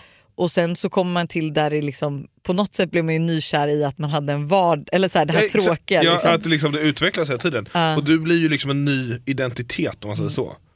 Men jag tror att det är precis det ni pratar om. Ni har gått igenom de här faserna. För tittar man på den första fasen som är förälskelsefasen så bygger den på att vi ska bli ett vi. Det är den här tiden när man, så här, man försvinner ifrån kompisar och man, så här, man, mycket sex och mycket samtal och liksom man hittar på mycket saker ihop. så. Det är för att vi ska bli ett vi. Sen efter ett tag så behöver man ju också så här komma ihåg, men det fanns ju också ett jag innan. så. Jag gjorde ju också grejer ibland på egen hand. Och då ska vi bryta oss loss lite ifrån vi, att ha kvar det men bryta oss loss lite. Klarar vi av det då kommer vi in i den mogna kärleken och då har vi ett starkt vi och vi har två stycken starka jag. Och då hamnar vi precis i det här som ni säger. så. Vi, vi liksom lever på i en så här grundläggande kärlek. Det här vi verkligen så älskar varandra och då pirrar det ju till ibland och ibland är vi bara så lite tillfreds med hur det är. Vi, har liksom, vi klarar av att så pendla mellan viet och jaget. Eh, Så det är superviktigt. Jag möter ju jättemånga människor idag som aldrig kommer dit. Därför att man, man bryter upp hela tiden man kommer i tveksamhetens fas. Då tror man att så här, nu är det någonting som är dåligt för att nu vill jag ibland vara själv. Eller, eh, nu kan jag Ja, för det har jag, jag har ju en fördom och det är att så här, för jag tycker både, varken du eller jag tänker ju speciellt mycket, alltså vi övertänker ju inte saker och ting skulle jag säga. Och att så här, min fördom är att alltså, personer som kanske för övertänker eller tänker mer generellt liksom än vad kanske jag gör eller du gör. Att det är där du hamnar i det för att du börjar ställa dig frågor som du kanske inte, alltså som du inte heller vet ett svar på och då kommer tveksamhet och lite sådär men att så här, hade du bara låtit det gå så hade du tagit dig igenom det liksom. Och det man behöver tänka på om man är en övertänkare det är att man Mm. också behöver vara en överkommunicerare. Så att man ger människor möjlighet att möta dig. Ah. Mm. Man väger upp det. Och lever man tillsammans med en person som är överanalytisk så behöver man träna sig på att vara överkommunicerande mot sin partner. Så att, Ja, det är i och för sig inte... Alltså, bra tips. Mm. Övertänker du överkommunicera också så att du liksom Ja. kommunicerar alla dina känslor Balanserar ut det liksom. exakt. inne. Jag blir så irriterad på min partners mamma. Jag tycker hon är jättejobbig men vågar inte säga något till min kille för han har så bra relation till henne. Och jag har verkligen försökt ge henne chanser men jag tycker hon är så jobbig. Vad ska jag göra? Den är ju svår också när man inte riktigt vet vad det handlar om. Eh, känner jag. Men måste man alltid göra? Alltså jag tänker så här, ibland så kanske man bara kan inte bara vara. Alltså så mycket umgås man väl inte kanske med sina... Men det kanske men det är väl bara bita ihop. Ja, Det är ju en fight hon aldrig kommer vinna. Nej. Jag, Alltså- tror, jag, jag har ju en sån här liksom, en gyllene regel och det är att jag får prata hur mycket skit som helst om min familj till Buster. Men han får inte prata skit om dem till mig. För jag skulle aldrig säga någonting illa om Busters familj. Om, inte, men om, alltså om Buster skulle komma till mig och vara så här, vi säger då typ Ja min pappa är så jobbig för att han lalla, öppnade en räkning på en söndag. Lalala. Och då att vi säger att jag eventuellt skulle hålla med dig då, vilket jag aldrig skulle göra då. Men så här, ja gud, då kan det vara okej. Men alltså så här, man får inte öppna det själv. Har jag, men det är någon, jag vet inte om det är en kräftgrej tror jag. Alltså, för jag vet andra kräftor som är likadana. Men att så här, man kanske inte, hon kanske kan liksom ventilera lite till kompisar och strunta i att göra det till honom. För det är precis som du säger, det är en fight hon eller han aldrig kommer vinna. Nej, jag tänker också så. Det är vissa saker så. Går man in i en relation där det finns barn sedan tidigare så får man liksom köpa den Mm. delen. Går man in i en relation så finns det familj och relationer runt omkring. Och det är svårt att gå in och ändra på det. Det är väl snarare om det är någon som skulle vara så genuint så elak eller att man går in och liksom gör dumma saker. Men då får man ju ta det i sin relation, tänker jag. Men är det det här bara vanliga, att det finns här små saker man stör sig på eller Att man man har olika inte klickar, åsikter. liksom. Ja, men precis. Då får man nog bara liksom, ja, acceptera att det är så. Ja men för jag Gör tänker också, för jag vet att jag har en tjejkompis som jag pratade med och hon sa ju det att alltså, hans mamma hade varit liksom indirekt, alltså så här, var, eller var taskig liksom, sa pikade saker och massa sådana grejer. Och då, till slut så sa ju han till liksom, för att det tärde ju lite liksom. men hon vågade ju aldrig säga någonting till honom. Liksom. Och sen kan man också bli medveten om att när man börjar få en sån tanke så att någon är störig och någon är jobbig så kommer man lägga mer fokus också på allting som är störigt och jobbigt. Så att man kan också prova att byta perspektiv och lägga sig fokuset. Vad är det som ändå är bra då? Vad finns det som den här personen som man kan vara tacksam för? Man kan åtminstone vara tacksam för att mamman och pappan gav liv till den personen man älskar och lever med. Alltså det är en stor grej Ja, i sig, eller hur? Ja. Uppfostrat honom till den människan han blev. Ja. Och liksom Ja, men du är ju kär i hennes Ja, son så så illa kan Ja. hon inte vara. Men alltså, vi är väldigt ofta med din familj, vi är Ja. inte lika ofta med min familj. Men alltså, hade inte jag tyckt om din familj hade det ju varit ett större problem än om du inte hade tyckt om min familj. Ja absolut. Men min familj älskar ju då kaoset. Alltså det här, Ja. det är lite som vi pratade om, de har ju inga problem att det Men bara... sen är också det som jag älskar med Busters familj är att de vet om hur Buster är. Så att alltså Malin och dina systrar kommer ju in och alltså de räddar alltså så här, jag tror liksom att vår relation, till, tack vare att vi liksom också fortfarande är ihop, är ju att din familj hjälper ju dig så mycket med mig. Förstår du? Att så här, när du kanske slabblar till det lite liksom. Va? Då- ja, men- Typ som? Ja, men eller så här, du alltså, kommer hem, se- alltså, jag vet inte vad som helst men att så här, du missar något. Alltså, så här, ni löser det ju för att de älskar kaos och de är lösningsfokuserade. Så det löser sig. Så det är så här, alltså, din mamma tar ju Alltså vi brukar ju skämta om det jag och din mamma att så här, ifall, när du gör någonting som är liksom så här, alltså som jag kan bli irriterad Ja, på, då räddar ja, hon upp dig. Ja, ja hade, hon, hade jag dubbelbokat någonting, okej jag skulle hämtat barnen, Lovisa Ja. kan inte ta det, då kommer mamma. Alltså hon täcker Alltså hon upp, täcker upp alla, blir, dina, ja. alla dina svagheter. Eller- ja. Så att jag skulle ju säga att, så här, för att även om du är en fantastisk människa är du sjukt jobbig att leva med. Ja, om om du inte hade haft ju. din familj. Ja, Då hade det varit ännu jobbigare menar du? Nej, men nej, då, jag, vet, alltså, så här, jag tycker de, har ju liksom, de räddar ju så mycket situationer för att de bara är där och finns där. Liksom. Men det är det jag menar, att så här, hade jag inte tyckt om din familj hade ju det varit ett stort problem i vår relation.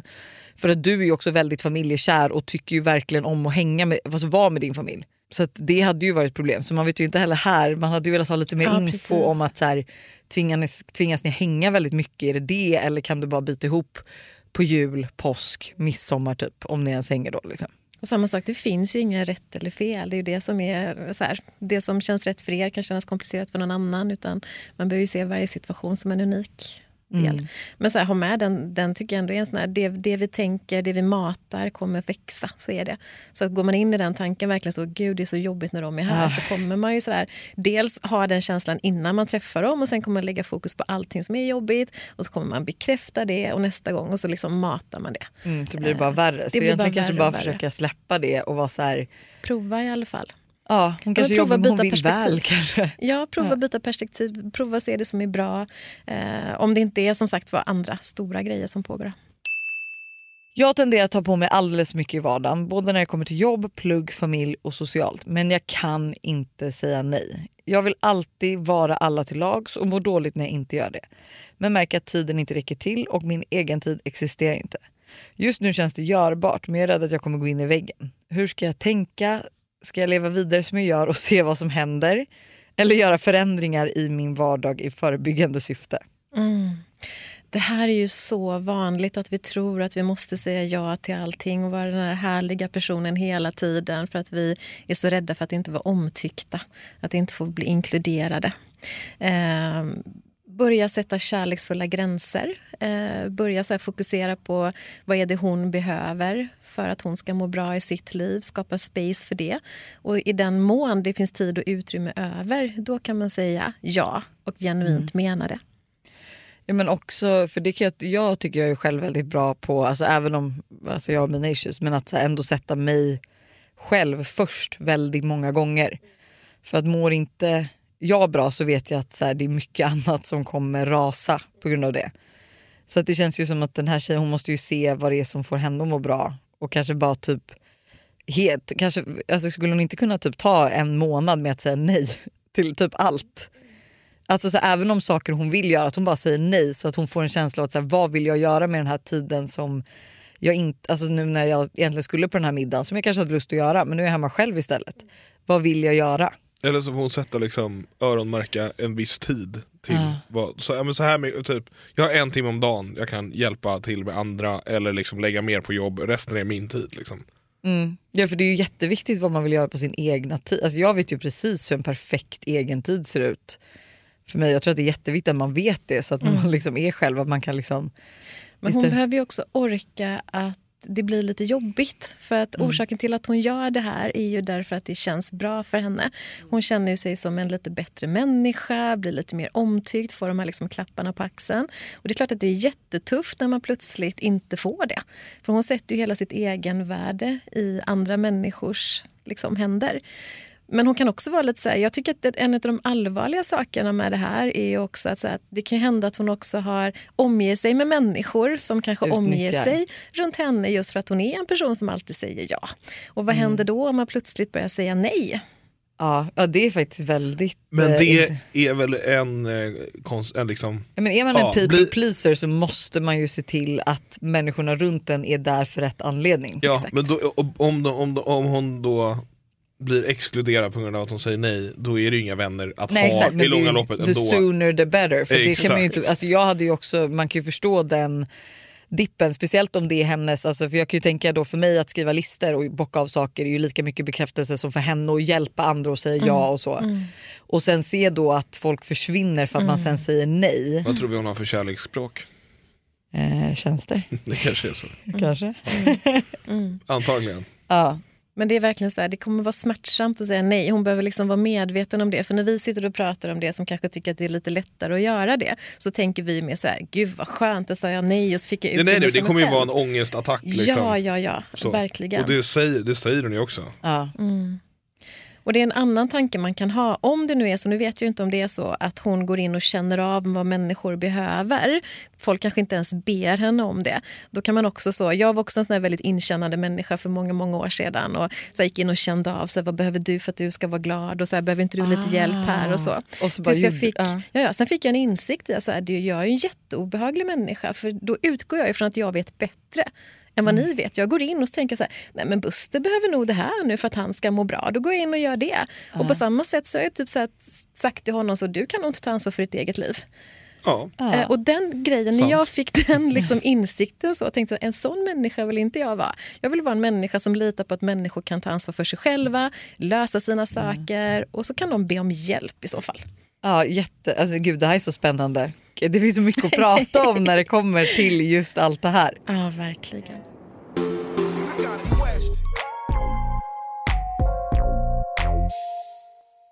Kan man vara en förhållande person? Hej Måndagsvibe, jag har ett dilemma eller en fråga som jag verkligen funderat länge på. Jag är 23-årig tjej från Stockholm och jag har ett stort socialt liv både bland vänner, på jobbet men också familjerelationer och har många familjekompisar. Jag har också en, del en hel del människor runt omkring mig.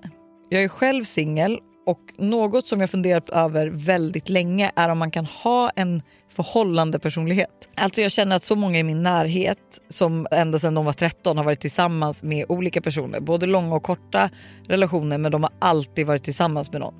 Efter de har gjort slut så har det gått väldigt kort tid innan de hittat någon ny. Och själv har jag aldrig haft ett förhållande med någon. Bara lite småflingar och så har jag dejtat en del.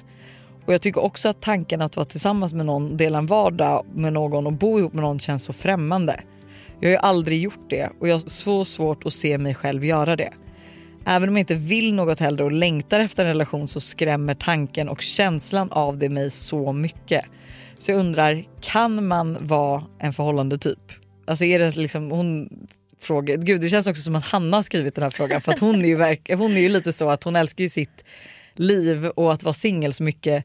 Så att hon tycker, sen blev det ju väldigt, när hon blev kär så var det ju väldigt lätt att släppa in någon. Men att hon var så här, ska jag verkligen tumma på allt det här? För att liksom men det här är ju intressant för det lär väl finnas, jag tror jag har varit en förhållande typ exempelvis. Det finns olika dimensioner på det här såklart. Dels så sitter jag och funderar på att det beror på vilken anknytning du har. Eh, om du är så här trygg eller om du är otrygg, om du är ambivalent, så hur lätt du har för att släppa in någon, hur trygg du är i att du kan vara i en relation och ändå få vara exakt den du är och göra de sakerna som är viktiga för dig. Så det påverkar. Eh, och sedan så tror jag också så att vi har en bild idag utav hur ett förhållande ska se ut. Och jag tror att vi behöver utmana oss själva idag. För hur det såg ut förr i tiden är inte så som det är idag. Förr i tiden behövde vi kanske så bo ihop och dela alla de här sakerna för att vi skulle överleva helt enkelt. Idag kan ett förhållande se ut hur vi själva vill. Det finns inga rätt eller fel. Vi behöver inte bo ihop om vi inte vill. Eh, Vi kan ses, vi kan vara kärbo, närbo, eh, sambo, vad, vad som helst. Liksom. Eh, Men sen har vi ytterligare en dimension som är sådär, motsatsen till kärlek är rädsla. Och det var det som jag lite grann så här identifierade när du pratade om det. För först så lät det ju som att hon verkligen så här, hon älskar sitt liv som det är och vill inte ha en relation. Men sen kommer det in sådär, även om jag verkligen längtar efter. Ja för det var två, det var liksom, ja, hon skrev både och. Och motsatsen till kärlek är rädsla. När vi är rädda för kärlek så har vi antingen så kommer vi dra oss undan och inte gå in i relationer för att vi är så rädda för olika saker. Rädslan för att inte få vara fri och leva mitt liv som jag vill. Eh, rädslan för att bli lämnad, tvingas lämna till exempel. Eller så går vi in i lite mer som attack. Och de vet ni också, de som dejtar lite hela tiden. Som så här kliver i ur, relationer hela tiden. Så där, man kliver av innan det blir för djupt eller det kan vara. Och då är det egentligen så att man längtar efter kärlek men förstår inte hur det ska gå till för man blir rädd. Ja, Och då- okej. ja exakt, för hon skriver ju också här att så här, alltså, om det är en slags personlighet för att man ska våga öppna upp sig för andra och anpassa sig efter andra. För jag tror att hon tänker ju liksom att, så här, att hon kanske måste ändra väldigt mycket för att liksom, hitta någon. Mm. Och det är hennes rädsla, eller hur? Hon är rädd för att hennes liv kommer bli kanske så sämre på vissa plan och vet inte om det är värt det då. Men då tror jag så att det vi kan trygga henne i då, det är att, så här, att hon kan absolut gå in i en relation men hon behöver vara så här, duktig på att så här, själv kommunicera vad hon behöver, möta en partner som tycker att det är precis det han eller hon också vill ha. Eh, kärlek kan se ut hur som helst, vi behöver släppa det här normativa.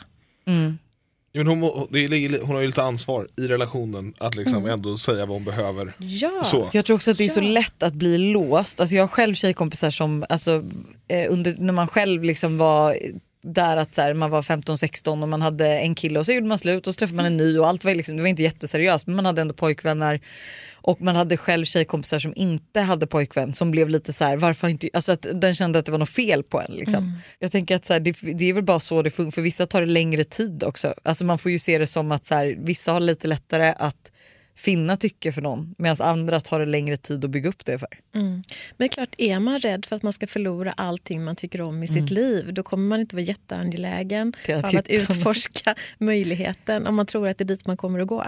Så att man behöver nog verkligen i sånt där läge tänka så, nej men jag kan få allt jag någonsin har drömt om om jag bara är autentisk i mitt jag och berättar vad jag behöver. Sen är hon också bara 23. Alltså, kan ju tycka att så här, det är inte, jag tror att det är väldigt vanligt att när man är 23 att man kanske inte, alltså många har inte haft ett förhållande men allt man blir kanske inmatad och typ på sociala medier och sånt är det här kärleken och hela den grejen. Och man jämför sig så mycket med andra. Det är, alltså, det är bara att ta, alltså, typ, vi säger Klara, vår tjejkompis som fick barn nu, någon fyllde 30, att hon var ändå liksom hon känner ju nu i efterhand hon bara att jag ens var orolig. Men hon var ju det för att så här, folk i hennes närhet började skaffa, det var det normala. Liksom. Och då blir man lite låst och så liksom, sen dyker det upp när man minst anar det. Liksom. Så då kanske inte ska låsa sig så mycket då. Nej, var inte rädd för kärlek och förhållande. Var, var mer sådär tydlig vad du vill ha. Ja, och hon måste kanske ta sig in för att också veta vad hon vill ha Ja, i en relation. precis. Allt det här kanske är helt ointressant när de väl är där. Gud, det, alltså, det är så mycket frågor men det är alltid så kul att ha det här hos också. Jag känner att jag och Buster tog, tog, liksom hälf, hälften av avsnittet tog vi så vi kanske borde boka in en egen tid. Men tack så hemskt mycket att du kom och gästade Ja, podden. Och är det så att man vill kontakta dig, vad gör man det? Alltså enklast är väl via Instagram tror jag. Eh, skriv meddelande där. Jag svarar på allting även om det ibland tar lite tid. Men jag svarar på allting. Ja. Eh, så gå in där, skriv någonting. Vi lägger in, eh, vi länkar till din profil på vår Instagram. Ja, så jag tror att, det är eh, enklast. Vi kan Ja. lägga in det på podden också. Va, hur menar du? Ja, Gilda kan lägga in det i podden. Så att det finns länk till Instagrammen i poddappen. Jaha, i beskrivningen. I jag bara, beskrivningen vad det här menar du att hon ska lägga in http www.instagram? Jag trodde att du menade att hon kan lägga in det här, alltså i tal. Jaha, jo, ja, Ja, det var det jag bara, vad menar men, men du hur nu? gammal är du som ens tänker så? Ta fram papper och penna nu. Exakt. Sitter ni med papper och penna? Ja. Nej exakt, vi kan lägga in det i beskrivningen här men glöm inte att kolla bort vår Instagram. Eh, skicka in dilemman och Am I the asshole och följ oss på Instagram. Eller, Framförallt mig. ja, Buster. Glöm inte. Tack Buster att du var här och gästade podden, att du Tackar, tog tackar. över Hannas plats idag. Tackar, tackar. Varsågod. Varsågod. Hörni, ha en fin vecka så hörs vi på fredag. Det gör vi. Tack Ha för det. tacket. Tack Hej, för hej. tacket. Hej, hej. came ready to go. See it clear when the shadows are lit, I'm ready to go.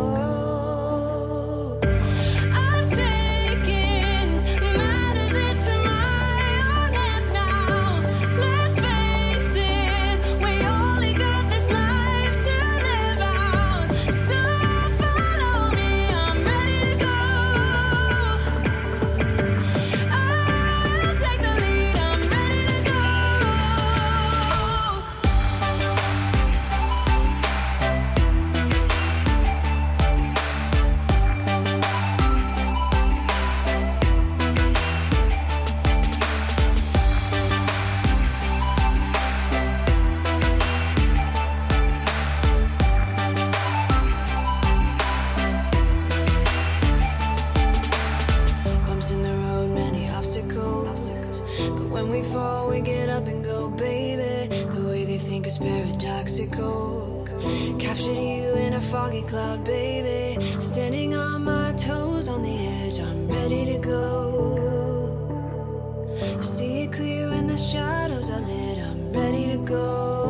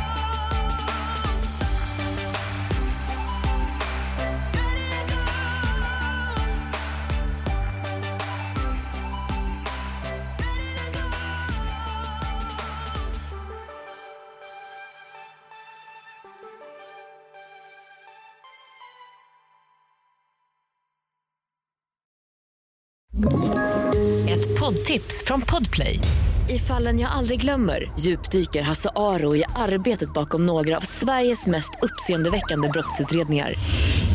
Går vi in med hemlig telefonavlyssning och, och då upplever vi att vi får en total förändring av hans beteende. Vad är det som händer nu? Vem är det som läcker?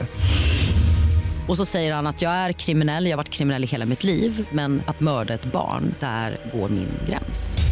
Nya säsongen av Fallen jag aldrig glömmer på Podplay.